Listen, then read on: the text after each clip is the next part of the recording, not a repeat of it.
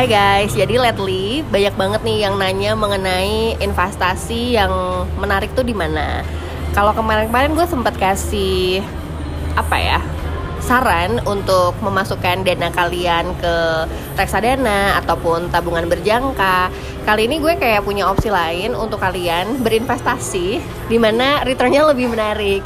But anyway, kayak kemarin tuh gue sempat ngobrol kan sama teman-teman gue mempromosikan nih salah satu fintech terbaru ini. Tapi mereka pada nanya, kan tinggi banget tuh returnnya, takutnya resikonya juga tinggi.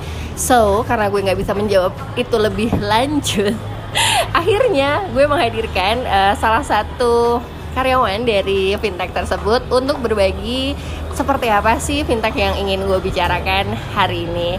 So, welcome back to my podcast Curhat 20-an with Mega Agnesti dalam episode mengenal lebih lanjut mengenai asetku.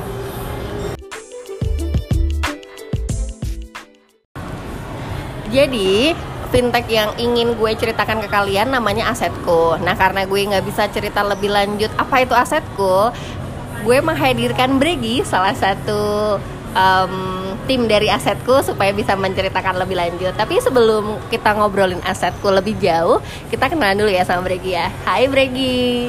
Halo Mega, apa kabar? Um, agak abis hujan ya jadi agak-agak meriang-meriang gitu loh Bregi boleh diceritain dong Bregi ini di asetku sebagai apa uh, dan mungkin apa ya background kerjaan sebelumnya kali ya Oke, okay, uh, gue Bregi, gue di asetku sebagai Vice President of Business Development. Gue sebelumnya kerja di sekuritas di uh, RHB Sekuritas uh, dan sekarang gue udah di ada di fintech di asetku. Yes. Dan yang bikin gue shock tadi guys, you know what? Bregi ini umurnya masih mid 20s berapa Bregi tepatnya? 25. 25. Udah VP gimana gue gak makin meriang guys? Agak-agak kompetitif ya gue kayak wow udah umur eh, udah umur udah jadi VP di umur 25 my god Brigi gimana ceritanya oh itu nanti di belakangan aja ya gue udah mau nanya gimana caranya lo jadi VP di umur segini gitu Brigi jadi sebelum kita ngomongin tentang asetku sendiri mungkin cerita dulu kali ya P2P lending itu apa sih Brigi Uh, sebenarnya kalau sebelum mau ke dunia P2P lending, gue akan ceritain juga dulu apa sih fintech itu kan. Yes. Uh, sebenarnya fintech itu adalah sebuah industri di mana yang uh, sebuah company yang memanfaatkan teknologi uh, teknologi untuk running itu bisnis. Yes. Nah, um, untuk fintech sendiri itu dibagi beberapa sektor. Salah satunya ada payment gateway atau sebagai e-wallet dan salah satunya adalah kita peer-to-peer lending.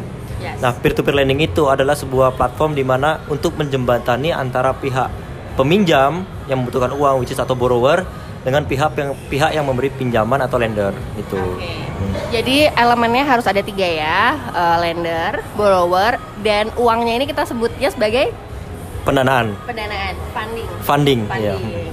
Baiklah. Nah, karena P2P lending ini kan kayaknya lagi happening banget ya lately yes. di dunia fintech. Nah, asetku sendiri ini seperti apa sih, Brigi? Asetku sendiri itu kita udah berdiri dari tahun 2017. Oh, lama juga ya? Ya, 2017 dan kita uh, pada at the end of December 2018 kita dapat license eh bukan sorry daftar-daftar dan terizin di OJK. Okay. Nah, nah, sekarang kita lagi proses. Terdaftar dan diawasi. Oh sorry, terdaftar dan diawasi yeah. oleh OJK dan kita lagi proses untuk mendapatkan uh, perizinan ini. Dan uh, hopefully kita soon udah dapat bisa dapat izinnya karena requirement requirement OJK sebelumnya yang untuk proses ini sudah kita terpenuhi dan kita so far udah berhasil sampai ke achieve yang uh, proses yang terakhir yaitu audit dari OJK okay. itu. Jadi uh, asetku ini adalah menyediakan apa ya? Apakah investasi atau lending, funding atau pinjaman ke orang sih?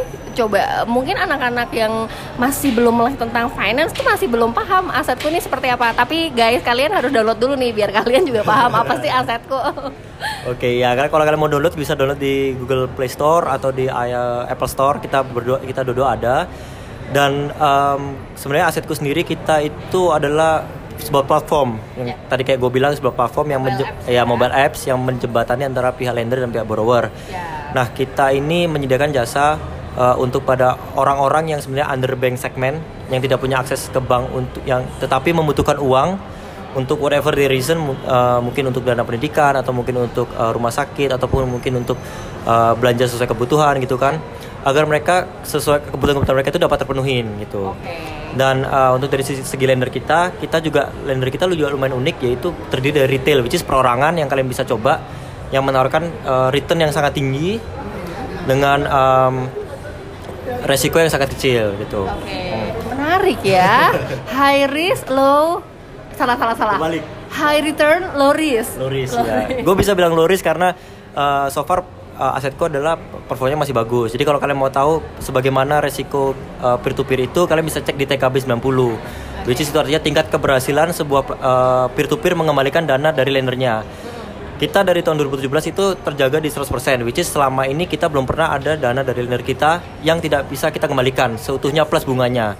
Gitu. Jadi selama ini kita masih aman dan so far sih kita udah uh, distribute uh, borrower ke borrower kita sebesar 5 triliun ya dari tahun 2017 sampai sekarang. Wow, banyak banget loh itu. Banyak banget, memang banyak banget. Dan kita untuk dari lender sendiri kita user kita udah sekitar uh, 40 ribuan. Dan dari lender segi ya, ini Mm, lender dari pinjaman. ya ngasih pinjaman dan dari segi uh, borrower kita sekitar 3 juta orang. Oh, jadi tetap lebih banyak borrower ya. Ya, lebih banyak tetap borrower. Oke. Guys, jadi kalau kalian nih masih belum kepikiran asetku ini seperti apa, asetku ini adalah mobile apps di mana kalau kalian punya duit lebih bisa diinvestasikan boleh nggak sih? pendanaan boleh dipena- didanakan di uh, asetku gitu. Oh, jadi misalnya kan gue duitnya banyak banget nih ya, Bregi. Amin. Terus gue pengen bagi-bagi nih ke orang, tapi gue juga pengen dapat high return dari uang-uang yang gue pinjemin. Nah, bisa gue nih jadi lender di asetku. Caranya pun gampang. Kalian tinggal download apps-nya, kemudian nanti kayak daftar-daftar gitulah ya registrasi. Abis itu eh, gue udah bisa meminjamkan duit gue ke ke orang-orang tapi melalui asetku gue juga nggak tahu sih siapa yang minjem duit gue tapi paling nggak gue tahu returnnya tinggi that's it. Dan itu udah cukup. Nah tapi ya kan tadi lo bilang bahwa em, return yang diberikan asetku ini cukup tinggi. Dan gue juga lihat langsung di appsnya dari 17% sampai 21% gimana sih lo bisa ngasih dana setinggi kok dana sih gimana sih lo bisa ngasih return setinggi ini ke para lender lo Oke, uh, sebenarnya cukup uh, pertama sih gue mau kasih tahu bahwa return 17% itu bukan full tapi per annum. 17% per annum dan 22% per annum.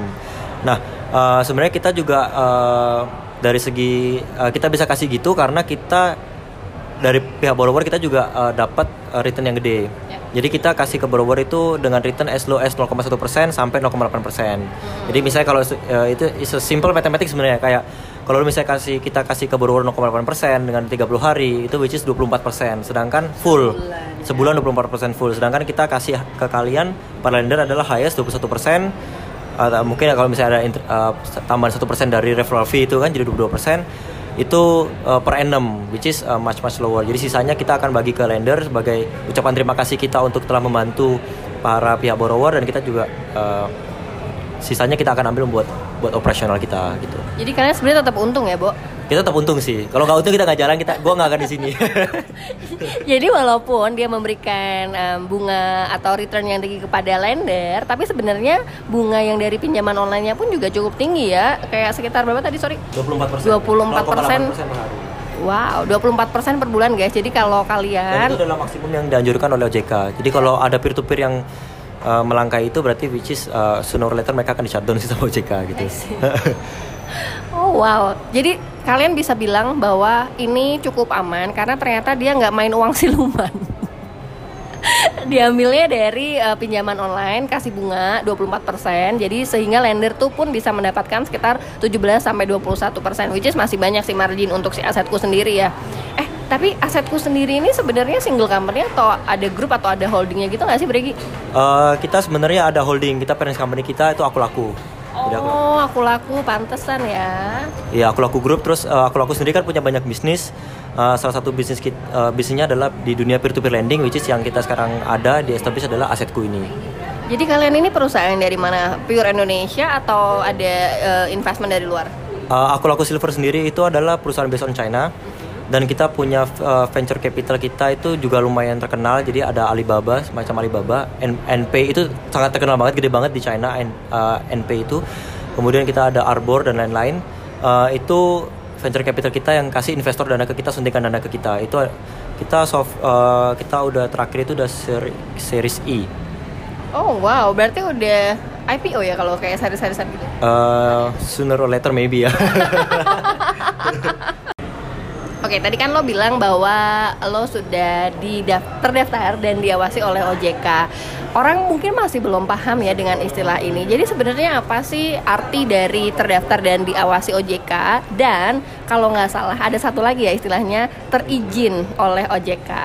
Jadi kalau misalnya terdaftar dan diawasi artinya uh, itu adalah step awal. Jadi sebelum kita mendapatkan izin dari OJK untuk beroperasi, uh, sebenarnya kita secara langsung juga sudah dapat izin yaitu dengan cara terdaftar dan diawasi dengan kata terdaftar berarti kita sudah mendaftarkan diri kita untuk setiap diaudit, untuk setiap mengikuti semua proses yang ada berlaku di Indonesia dan semua uh, apa hukum juga yang ada yang yang yang OJK uh, eh, kasih kasih untuk ke kita untuk uh, mengatur ini di dunia peer-to-peer ini.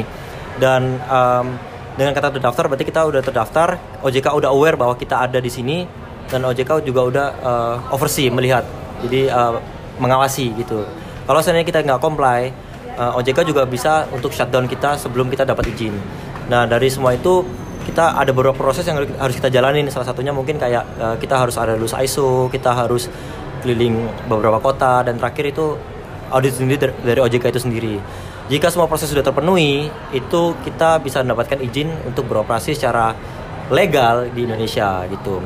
Jadi walaupun belum terizin sebenarnya juga udah oke okay ya udah ketika okay. mendapatkan. Uh, udah oke okay, karena status ini berarti kita uh, ada kenyataan etikat baik untuk uh, comply gitu dengan OJK dan ya kita juga nggak mau untuk menyusahkan menyusahkan rakyat Indonesia juga gitu dengan peer-to-peer peer yang bodong-bodong itu. Oke, okay, menarik nih. Tadi kan lo sempat nyebutin angka yang uh, lender ada sekitar 800 ribu ya uh, orang Sementara kalau yang borrower uh, lender kita sekitar 30 ribuan. Eh, masih 30 ribu ya? 30 ribuan orang. Sedangkan Sementara bolo, borrower 3 juta. 3 juta. Wow, perbandingannya lumayan gede ya. Tapi dari 30 ribu lender aja lo udah meng, me, menghasilkan atau mengumpulkan berhasil mengumpulkan dana triliun. senilai 5 triliun. Wow. Nah, dana sebesar ini sih uh, Brigi dipakai apa aja sih maksud gue adalah kalau gue kan dulu pernah jadi investor relation ya di mana gue pahamnya ketika ada company yang mengumpulkan dana daripada in, dari para investor dia akan uh, put di beberapa tempat kayak misalnya di saham PTA, PTB dan PTC.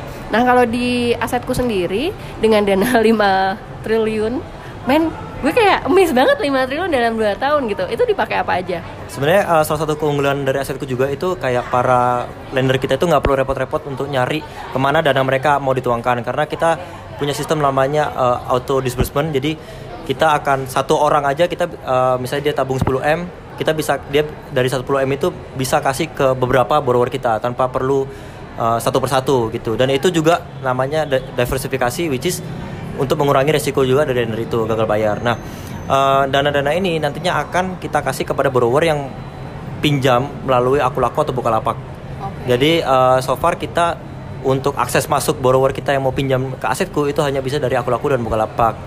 Nah, dari dari situ mereka uh, kita akan disburse money mereka uh, cepat banget kurang lebih kayak di bawah 5 menit ya itu nanti uh, langsung masuk ke rekening mereka. Nah dari situ terserah mereka, mereka kalau mau buat untuk uh, uh, biaya berobat atau kayak tadi gue bilang biaya berobat atau mungkin bayar SPP atau mungkin sekedar shopping atau apa pun apa pun yang mereka inginkan ya terserah mereka gitu. Jadi ya. Hmm. Jadi penyaluran dananya ini melalui pinjaman online di Akulaku atau ada di Bukalapak ya? Iya benar banget dari Akulaku. So far dari Akulaku dan Bukalapak dan nanti in the future kita akan banyak lagi establish di entrepreneur entrepreneur ini di market, beberapa marketplace yang terkenal terkenal. Kalau gue sih sebagai lender kayak gue sebenarnya tutup mata juga sih as long as dana gue dikembalikan dengan return yang dijanjikan, gue kayak nggak terlalu perlu tahu di mana aja gue ditaruh duitnya gitu kan. Tapi uh, berarti saat ini memang borrowers dari asetku yang pengen minjem duit dari asetku itu baru bisa melalui dua platform ya. Aku laku sama si Bukalapak. Nah, kadang kan kita sebagai seorang lender juga pengen tahu gitu apakah orang yang menerima kredit dari asetku ini uh, qualified atau enggak kalau kayak gitu gimana sih lo mau yakinkan uh, gue sebagai lender bahwa oh duit lo tuh aman lo gak di asetku oke okay, oke okay. uh, first of all kalau kalian takut misalnya duit kalian aman aman atau enggak yang gue mau kasih tahu bahwa tadi kita ada sistem diversifikasi auto disbursement kepada semua borrower kita. Jadi uh, kalau misalnya ada satu yang gagal bayar itu juga nggak akan begitu mengaruh pada uh, lender kita. Nah kedua eh, dana-dana kalian itu semuanya udah di fully backup sama parent company kita which is aku laku. Dan sekarang kita juga lagi kerjasama dengan beberapa insurance untuk membackup menjadi double protection kepada dana-dana kalian. Seandainya terjadi gagal bayar itu pun nanti duit kalian modal kalian itu 100% akan dikembalikan tapi tidak dengan bunga okay. gitu tapi so far sih kita belum pernah ada yang gagal bayar dan kita uh, yang tadi kayak gue bilang TKB 90 kita masih 100% yeah. nah untuk mau tahu uh, typical borrower kita itu seperti apa mungkin gue akan jelasin bahwa borrower kita itu adalah benar-benar yang terpilih yang terbagus punya yang bisa kita ambil dan kita punya beberapa parameter yang pertama adalah parameter kita kita harus uh, ngecek dia ini benar-benar uh, punya kita harus minta KTP dia dan selfie KTP dan muka mereka harus sama itu parameter. Dan mungkin beberapa dari mereka yang froster ini yang mungkin itu kata lain dengan dari penipu ini mereka pinjam KTP tapi selfie-nya orang lain gitu. Nah itu kita juga uh, kita akan nggak akan lolosin kayak gitu. Kemudian kedua kita juga punya um, apa namanya uh, semacam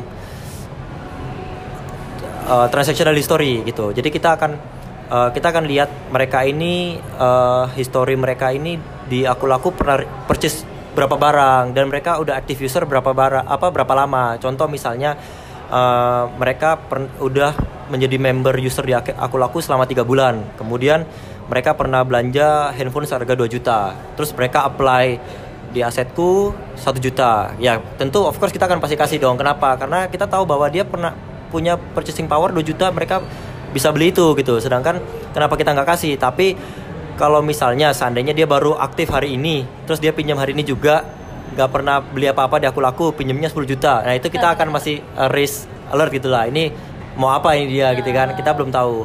Kemudian iya Kemudian kita yang ketiga kita juga ada kerjasama sama Thomson Router. Itu kita bisa cek dari nama kalian, kita bisa masukkan, kita input datanya, kita tahu bahwa kalian ini punya uh, criminal record apa gitu. Jadi wow. kalau misalnya kalian pernah ikut money laundering atau apa terdaftar di situ ada ada nama kalian di situ, ya kita so far kita nggak bisa kasih kayak gituan. Keempat kita juga uh, akan cek uh, sosial media kalian, Facebook kalian.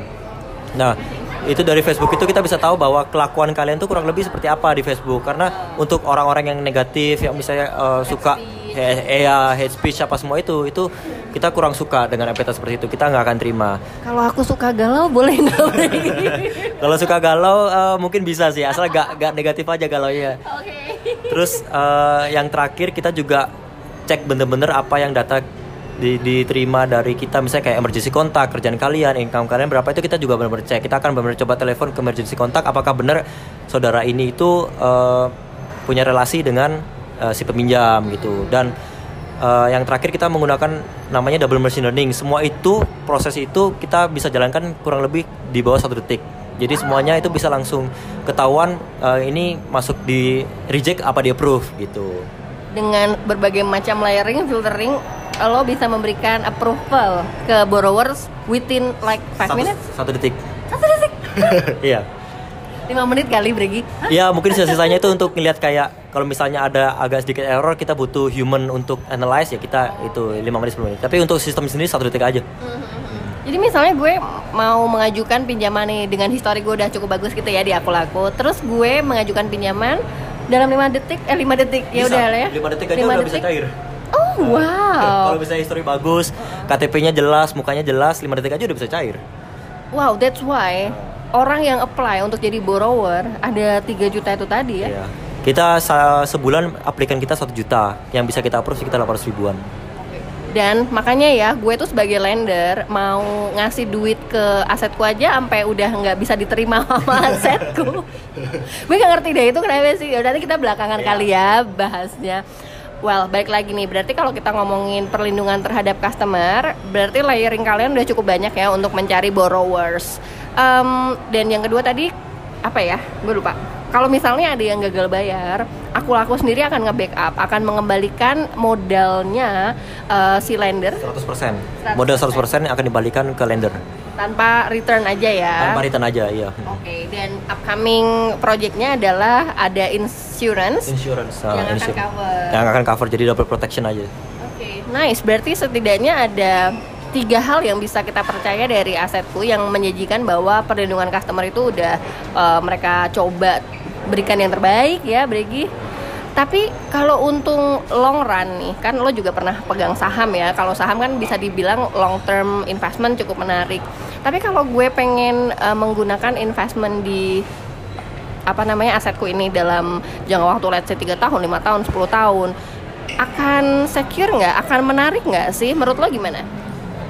Of course akan secure banget. Karena uh, gue bisa bilang asetku sebenarnya uh, peer to peer yang terbaik di Indonesia. Karena yaitu salah satu peer to peer yang masih sekarang 100% dengan uh, jangka waktu yang cukup lama sebenarnya dua tahun ini kita masih 100% itu outstanding banget. Rata-rata udah nggak ada yang bisa ngalahin itu. Rata-rata udah pada turun ke 97% atau 96% gitu kan. Nah um, kemudian kalau dari segi apa kan tadi gue juga udah bilang bahwa kita juga benar-benar hanya menerima high quality borrower. Jadi kita um, yang yang yang jelek-jelek yang mau menipu-nipu itu kita nggak akan terima itu juga berguna untuk kepentingan kelangsungan company kita. Okay. Dan yang ketiga ya ketiga kita itu benar-benar comply dengan OJK. Kayak kayak kita bilang kita sekarang lagi proses perizinan dan kita juga udah lulus ISO which is ISO itu adalah suatu standar keamanan untuk menjaga informasi nasabah klien kita dengan kita mendapatkan sertifikat ISO berarti kita sudah terbukti bahwa kita memang benar-benar menjaga kerahasiaan nasabah itu. Kita nggak pernah bocor apa data-data kita diperjualbelikan ke tempat lain kita nggak pernah. Ya itu penting banget karena gue pernah ya apply gue lupa either kartu kredit atau KTA gitu uh, dari satu orang tiba-tiba oh kredit card tiba-tiba uh, data gue tersebar ke berbagai bank lainnya bahkan ke KTA jadi kadang gue rasa kayak gila ya. Tapi dia di aku lakukan gue jadinya. Di asetku hal-hal kayak gitu nggak akan terjadi ya. Of course nggak akan terjadi. Janji lo Bregi. Aku tuh paling benci lo diteleponin bamba salah kartu kredit. Nggak nggak. Kita nggak akan kayak gitu. Itu perbuatan yang nggak baik lah. Oke. Okay. baiklah. Nah kalau gue buka apps asetku nih kan kita ditawarin beberapa opsi pendanaan. Ada yang pendanaan paling pendek ya 15 hari, returnnya 17 persen. Oh apa ya bapak ya? berapa lagi coba coba sebutin? Ada berapa opsi? Wah ada banyak tuh ya. Ada yang 15 hari, 22, 30. Terus uh, paling gede sih kita ada uh, satu tahun. Oh, ada, ada, ya? ada, ada. Itu oh, dengan. belum dibuka kayaknya. Enggak, harusnya semua kebuka sih. Oh, harusnya semua kebuka. Uh, berarti new lender pun boleh. New lender boleh. Oke, okay, berarti tadi kan ada yang 15 hari dengan returnnya 17,5 persen. Terus yang sa satu bulan. Satu tahun 21 persen oh satu tahun 21 persen. Itu tinggi banget sih karena gue kayak reksadana aja paling tinggi 18 biasanya iya. setahun ya kan? Uh, terus udah gitu ini juga kembalinya cepet ya kayak kalau lo misalnya masih belum percaya sama si asetku kalau belum percaya sih sebenarnya bisa coba 15 hari dulu dengan kita minimum bisa uh, pendanaan itu satu juta di 15 hari. Hmm untuk yang 22 dan seterusnya itu minimum 2 juta. Jadi kalau misalnya mau coba-coba aja 1 juta boleh gitu. 1 juta dulu 15 hari, returnnya 17,5 persen. Nah kemarin gue tuh baru nyoba nih Bregi. Jadi gue uh, masukin 1 juta untuk pendanaan 15 hari itu dalam jangka waktu cuma 15 hari saja. Terus gimana tuh? Dapat sejuta enam ribu ya. Ya. Which is itu lumayan sih. Gue kayak punya reksadana belum tentu segitu juga yang didapat ya kan. Iya benar banget dan mungkin kalau misalnya kalian mau tanya-tanya sih kita itu ada 130 orang RM yang bertugas memang untuk membantu para lender kita. Jadi sangat disarankan untuk yang baru pemula-pemula bisa langsung cari RM kita atau kontak tanya-tanya. RM kita akan bantu kalian gimana cara pendanaan. Kita akan kasih uh, mereka juga akan kasih jadwal ke kalian jam berapa aja ini uh, kotanya dibuka gitu kan Terus kalau misalnya kalian pendana sekian, kalian bisa dapat beberapa voucher uh, sorry voucher gitu kan, voucher MAP atau souvenir souvenir, misalnya kayak tumbler, bantal, selimut, ballpen atau apa pun gitu. Jadi sangat disarankan sih kalian pakai RM. Gitu. Cara pakai RM gimana? Cara pakai RM sih simpel banget. Kalian bisa langsung tanya, uh, datang ke kita ke asetku atau misalnya kalian uh, tanya lewat CS RM mana yang bisa direkomendasikan ke kita atau misalnya kalian kalau punya teman yang udah punya RM tanya aja bisa kenalin nggak ke RM gitu aja karena RM kita sih ada 130 orang dan setiap hari mereka keluar untuk membantu para lender-lender kita aja gitu. Kalau nggak salah kan temen gue juga pakai nih RM itu, dia juga sering di WhatsAppin ya. Iya iya, pasti di WhatsAppin mereka kan selalu ngingatin, oh ibu atau bapak ini jatuh tempo, oh ibu bapak ini kota dibuka, ayo pendanaan lagi kayak gitu. Udah kayak personal banker ya? Iya iya, memang personal banker mereka. Speaking of fintech, apalagi peer-to-peer lending, lately itu lagi banyak banget nih Bregi yang uh, apa ya muncul ke permukaan dan anak-anak muda tuh mulai tertarik untuk berinvestasi di peer-to-peer lending karena emang gue bisa bilang sih returnnya paling tinggi dibanding um, apa ya elemen investasi lainnya gitu. Apa sih yang membedakan asetku dengan fintech lain sejenis? Uh, Sebenarnya kriterianya banyak sih. Dari mana dulu ya? Kalau dari segi lender kalau dari segi lender itu kita kayak uh, oh dari segi fintechnya sendiri kita asetku ini specialize in cash loan yang berarti kita kasih dana ini uh, dalam bentuk cash dan kita nggak akan uh, menuntut mereka dan itu tuh diapakan gitu. Jadi kebanyakan peer to peer ada yang dikategorikan sebagai uh, UMKM atau dana pendidikan atau ada yang ke petani atau yang ke ibu-ibu gitu kan. Nah kita kita kita nggak melimit itu, kita nggak kasih limitan itu, kita kasih semua cash loan kepada borrower kita mau dan itu dipakai apa terserah mereka gitu kan. Kemudian dari segi lender itu pun kita bisa ngeliat bahwa perbedaan kita adalah um, kita sistem yang tadi gue bilang kita disbursement. Jadi kita lender nggak perlu milih uh, satu-satu nih mau mau ngelen ke siapa gitu kan, mau pendanaan ke siapa. Kita kasih kemudahan karena memang tujuan kita adalah memudahkan pinjam dan meminjam di dunia platform asetku itu, di dunia fintech itu. Jadi itu adalah salah satu misi kita. Kita memudahkan mereka. Jadi dan so far um, TKB kita ya itu yang bilang 100% itu yang membedakan itu itu yang sangat sangat sangat membedakan dengan peer-to-peer lain. Jadi uh, kita bisa dibilang kayak one of the best performance yang asetku adalah uh, P2P adalah asetku itu.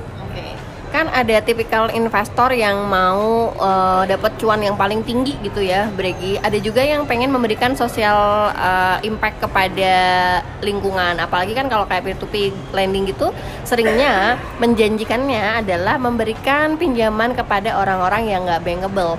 Menurut lo, apakah asetku bisa memberikan kedua benefit itu? Oh tentu banget. Karena sebenarnya tujuan kita masuk ke Indonesia adalah kita ingin membantu satu membantu orang-orang yang underbank ini. Kita uh, melihat bahwa banyak di Indonesia ini sebenarnya orang-orang yang membutuhkan uang tetapi mereka nggak punya akses ke bank untuk meminjam uang atau kredit kredit.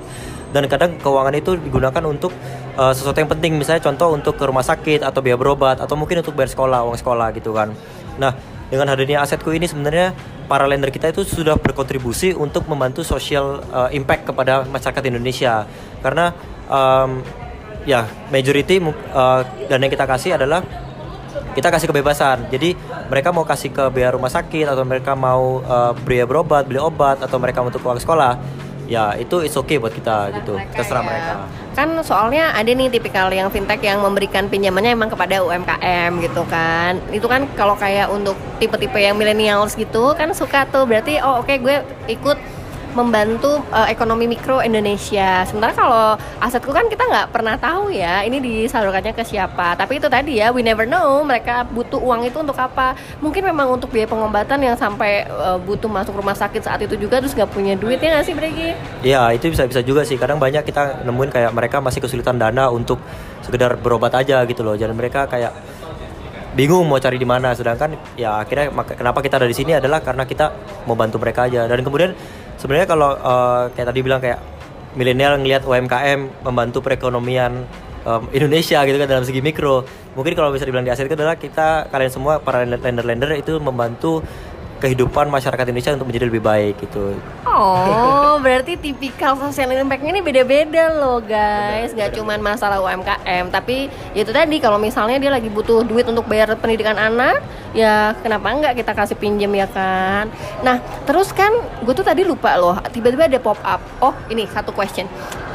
Uh, pertanyaan selanjutnya ini adalah mengenai audience lo sebenarnya kalau kayak lo profiling lendernya asetku saat ini tuh secara demografik gimana sih?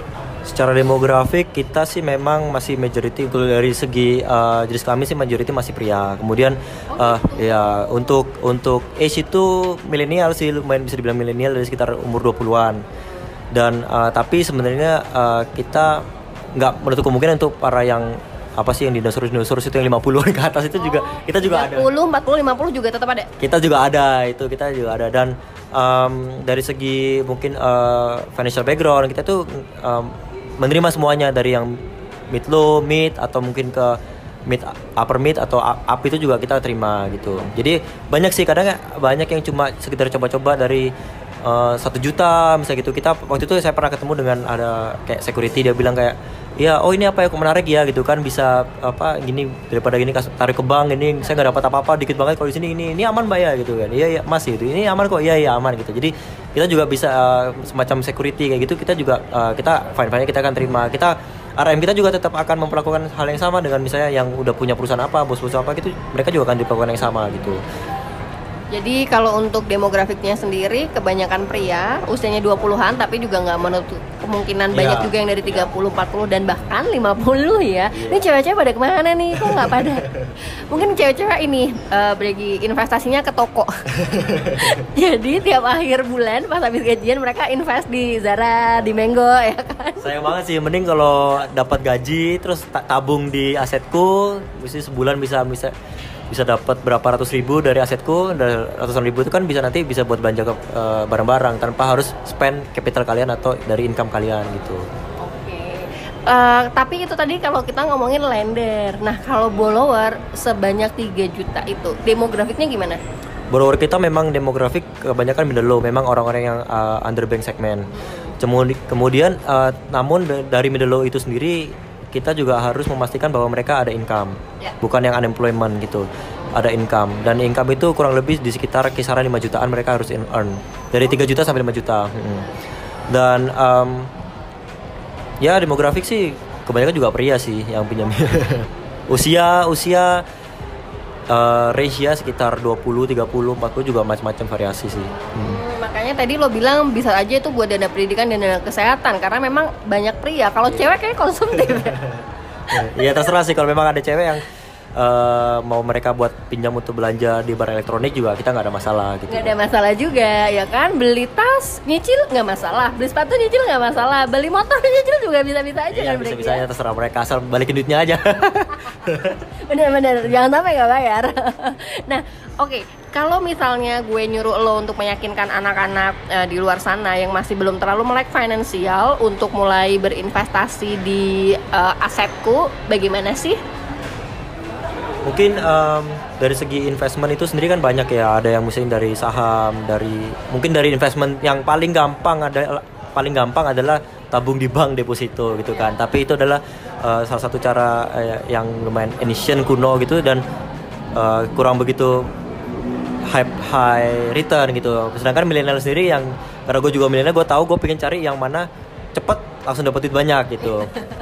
Nah itu juga biasa ada kita kayak eh, investment lainnya seperti saham atau reksadana. Tapi kalau misalnya beberapa orang yang belum milenial milenial ini yang belum melek itu bagaimana cara main saham atau bagaimana cara main reksadana, main obligasi itu eh, kita ada cara tersimpel yang sekarang lagi booming adalah peer to peer. Mana seperti contohnya asetku di mana kita semacam bank yaitu kita para para lender bisa para milenial bisa mencoba untuk taruh duit kita menabung dengan istilah semacam deposito satu bulan atau mungkin 15 hari 22 hari tetapi kita return kasih lebih tinggi daripada eh, bisa jadi lebih tinggi daripada obligasi reksadana atau eh, deposito yang pasti lebih tinggi dari deposito itu sendiri karena ya so far contoh aja kayak sekarang ini deposito kan di sekitar 6 persen 6,5 persen 575 bo Iya 5,75 yang bank-bank pelit ini.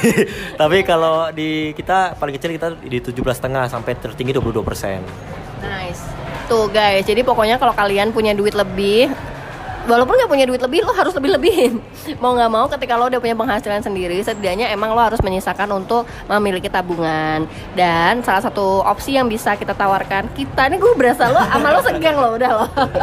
yang, yang kita kasih tahu, coba kasih tahu adalah coba deh asetku karena menurut gue sih ini worth to try. Gue sendiri juga baru belum ada sebulan nyobain asetku tapi gue sangat tertarik cuman itu tadi ya masalahnya ketika gue Waktu membicarakan nyoba gimana itu rasanya? Eh, lumayan sih dari sejuta bisa langsung dapat 6000 ribu hanya dalam dua minggu itu menurut gue oke dan setiap hari selalu ada returnnya walaupun cuma 400 400 400 gitu kan tapi kalau misalnya gue tambahin angkanya gitu kan of, of course returnnya lebih tinggi kan jadi ya Iya, kalau 1 juta 6 ribu, 10 juta 60 ribu, 100 juta 600 ribu.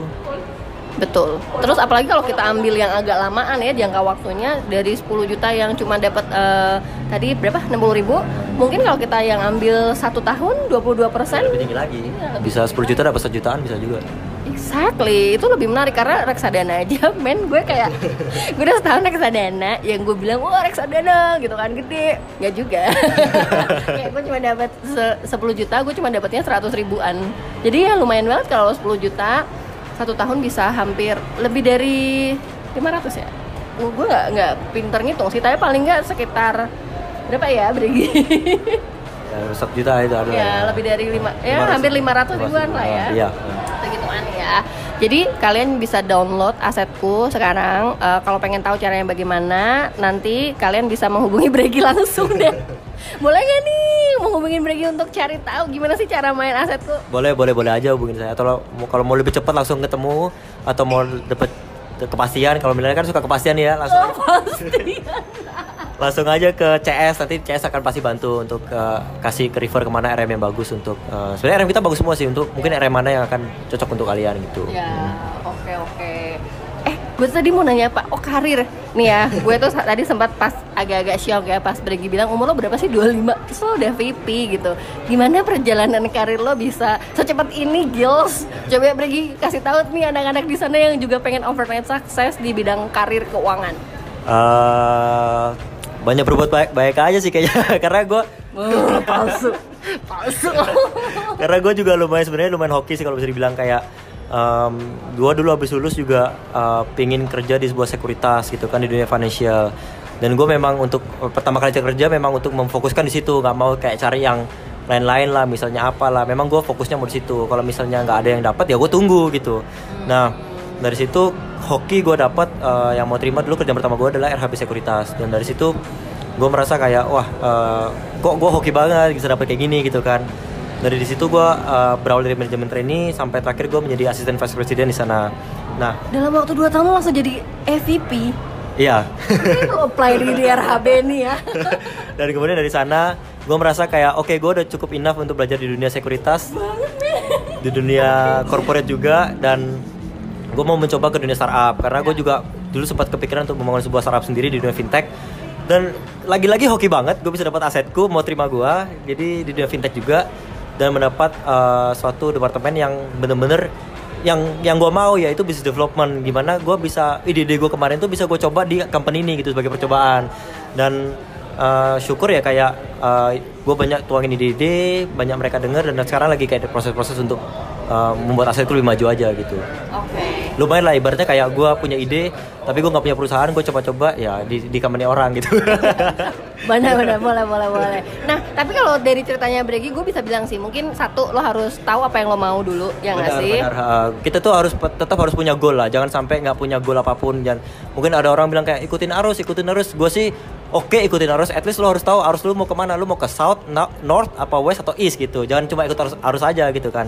Habis gitu ya lo, lo harus punya set goal itu aja sih Nah guys, naik gojek aja udah harus tahu arah ke mana masa hidup nggak punya. Kayak Bregi dia udah tahu arah hidupnya mau ke mana dan uh, tinggal fokus sama tujuan terus, lo ya. uh, fokus aja terus uh, banyak-banyak berbuat baik jadi hoki lo biar gede gitu kan. Terus uh, fokus dan tetap maksudnya kayak lo harus kasih performa yang terbaik lah buat kalau lo kerja. Jangan sampai ya, malas-malesan harus lo rajin jangan uh, cuma mau gaji buta doang gitu kan Tapi gue kayak harus belajar banyak nih. Dia harus jadi karir coach gue kalau umur 25 Bahkan dalam kerja 2 tahun lo jadi FVP tuh kece banget sih Bregi Eh satu lagi tadi gue ada pertanyaan buat lo yang lupa ditanyain di depan. Kan tadi lo bilang bahwa lo pinjaman online kan Karena kan ada lender seperti gue ini tadi yang memasukkan dana ke asetku tapi ada juga borrowers. Artinya lo juga pinjaman online ya?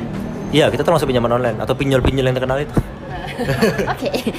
Nah, ngomongin pinjol yang terkenal nih, kan lately ada banyak hal yang membuat gue agak ngerasa terusik ya ketika dibilang bahwa orang yang nggak mengembalikan duit dari pinjaman online diterornya parah, nggak cuma dia, tapi juga kontak-kontaknya. Bahkan terornya tuh kayak semacam fitnah juga kayak bilang tiba-tiba nih orang mati bunuh diri padahal orangnya masih hidup, men menurut lo apakah lo melakukan hal yang sama karena kalau lo melakukan hal yang sama sih gue agak secara moral ya gue nggak bisa melakukan hal itu gitu loh jujur gue cukup sedih sih kalau ngeliat berita itu ada yang kayak misalnya orang terlilit hutang terus sampai bunuh diri stres karena apa. Itu gue cukup cukup sedih karena uh, maksudnya kayak kenapa lu punya company yang sampai uh, bisa kayak sejahat, sejahat itu. itu gitu kan. Nah jujur gue juga lumayan happy kerja di asetku karena asetku gak seperti itu. Gue gue sendiri juga pernah ngeliat cara prosedurnya gimana mereka cara untuk menagih hutang itu. Nah kita sebenarnya satu kita udah komplain sama OJK which is kayak uh, kita harus kasih bunga itu 0,8% bersih kebanyakan uh, pinjol-pinjol yang lain mereka nggak kasih bersih which itu juga menyusahkan buat mereka. Sebenarnya reason karena OJK bilang 0,8 maksimum itu karena uh, eh, OJK udah do research gitu loh. Ini adalah bear yang bisa diterima oleh masyarakat. Kalau lebih dari itu kan berarti udah nggak mungkin dong. Kasian juga mereka. Kenapa lu kayak peras mereka gitu kan? Kemudian kemudian juga uh, waktu dari segi desk collection itu gue juga udah ngeliat bahwa kita punya SOP yang jelas. Kita kita itu nggak boleh uh, kita juga waktu untuk borrow kita nggak akan minta akses to kontak. Jadi maksud dari maksud dari akses to kontak itu adalah akses to galeri akses to kontak itu adalah kita nggak nggak bisa obok-obok HP dia. Karena kebanyakan kan ada kalau misalnya pernah dengar berita uh, ada video-video yang disebarkan video-video pribadi dari borrower itu disebarkan atau teman-teman teman-teman teman-teman dari borrowernya itu diteror. Ayo temen lu pinjam uang temen lu pinjam uang. Padahal dia nggak salah tapi dia ikut ikutan ke teror. Karena itu karena beberapa pinjol lain itu masih open akses galeri akses to kontak. Which is itu sebenarnya udah nggak boleh sama OJK tapi mereka masih ngelakuin itu. Dan kita kita nggak mau ngelakuin itu. Kita karena tujuan kita adalah kita dapat izin dari OJK dan kita mau menjadi peer to peer yang asetku yang tetap bertahan di Indonesia ini gitu kan dan um, kita nggak nggak ngelakuin itu. Kita nggak akan akses ke kontak mereka nggak akan akses ke galeri. Dan kalau kita mau pinjam dana kita eh kalau kita mau tagih dana mereka kita hanya kontak ke emergency kontak mereka atau ke broker itu sendiri. Dan itu pun kita juga dibatasin waktunya. Kita nggak boleh tata kerama bicara juga harus dijaga. Terus kemudian telepon pun aturannya juga harus ada berapa kita cuma boleh lima kali seminggu. Karena ada yang beberapa kayak 10 kali sehari 10 kali sehari diteror terus gitu. Itu itu sangat nggak manusiawi sih. Kita nggak mau kayak gitu. Toh buktinya sekarang kayak kita melakukan seperti itu dana kita juga balik kok dan kita masih uh, eh, NPL sehat masih sehat gitu. Oke, berarti aset gue nggak kayak gitu-gitu ya, karena kayak gue agak-agak anti tuh sama pinjol-pinjol yang naginya sampai segitunya banget sih, main gila ya kan? Iya benar uh, asetku bisa ditemuin di mana aja nih kalau orang ingin mencari tahu informasinya? Asetku sebenarnya kita uh, dulu kita pernah keliling ke beberapa kota ya, termasuk pulau-pulau besar itu jadi Sumatera, Kalimantan, Sulawesi, uh, Jawa, Bali kita itu udah pernah semua. Jadi kemungkinan uh, exposure udah sampai itu ke sana. Kemudian kita juga ada Instagram kita di Asetku bisa cari untuk follow update news apa aja. Kita udah sampai ngapain aja gitu kan. Kayak kemarin kita udah di bulan Oktober kita dapat ISO, udah lulus ISO. Kemudian kita juga biasa kita ada advertisement sih di uh, di baliho-baliho gitu kan baliho-baliho di berapa di kota Jakarta. So far masih di Jakarta sih kalau baliho. Dan uh, advertisement seperti IG atau Facebook itu yang uh, di story story atau di timeline itu kita juga udah ada gitu kan. Dan kita juga sering panggil media pers untuk cover news kita. Kita ada update apa kita panggil mereka untuk cover news aja. Banyak kok banyak ya. Tapi kenapa gue gue juga nggak tahu kenapa gue belum terpapar iklannya. Mungkin kata Bregi gini mungkin lo liatnya online shop mulu nggak pernah liatin fintech yang masuk online shop semua. Bener sih kalau dipikir-pikir. Gue sebenarnya tahu asetku ini dari salah satu teman gue yang kemarin ada di episode uh, gaji gede bikin happy gak sih? Namanya Adita. Thank you ya Adita ya sudah memberikan gue ke asetku. Dan semoga apa yang gue ceritakan dan Bregi ceritakan hari ini bisa membuat kalian yakin bahwa asetku ini merupakan salah satu fintech yang yang cukup menarik untuk berinvestasi karena returnnya tinggi. Uh, dibilang sih resikonya rendah mudah-mudahan ya emang beneran resikonya rendah. Dan yang paling penting di terdaftar dan juga diawasi oleh OJK Brigi, apakah lo punya satu nih closing line buat teman-teman pendengarnya gue? Uh, closing line mungkin gue akan menjawab pertanyaan sih. Banyak lender tuh kayak tanya kenapa kok sering gua akan begitu kenapa kok sering kuotanya sedikit atau kok kita nggak kebagian? Nah sebenarnya sorry banget tapi sebenarnya kita simply it's too populer lah kayak oh, iya. anjir gue suka ini kesombongan lo. Jadi meskipun kita borrower kita banyak sebenarnya 3 juta gitu kan tapi mereka kan rata-rata pinjam hanya sekitar tiketnya satu juta setengah. Sedangkan oh. satu borrower satu lender kita bisa invest sekitar 10 m.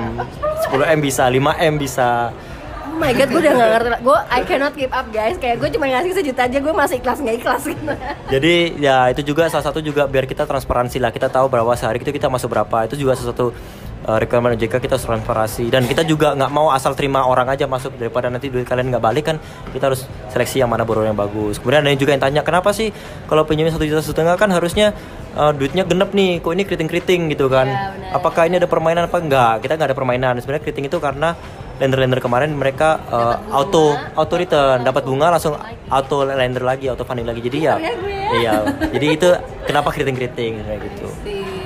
Tuh guys. Bener sih waktu kemarin tuh gue pertama kali mau uh, masukin dana tiba-tiba udah habis semuanya sih.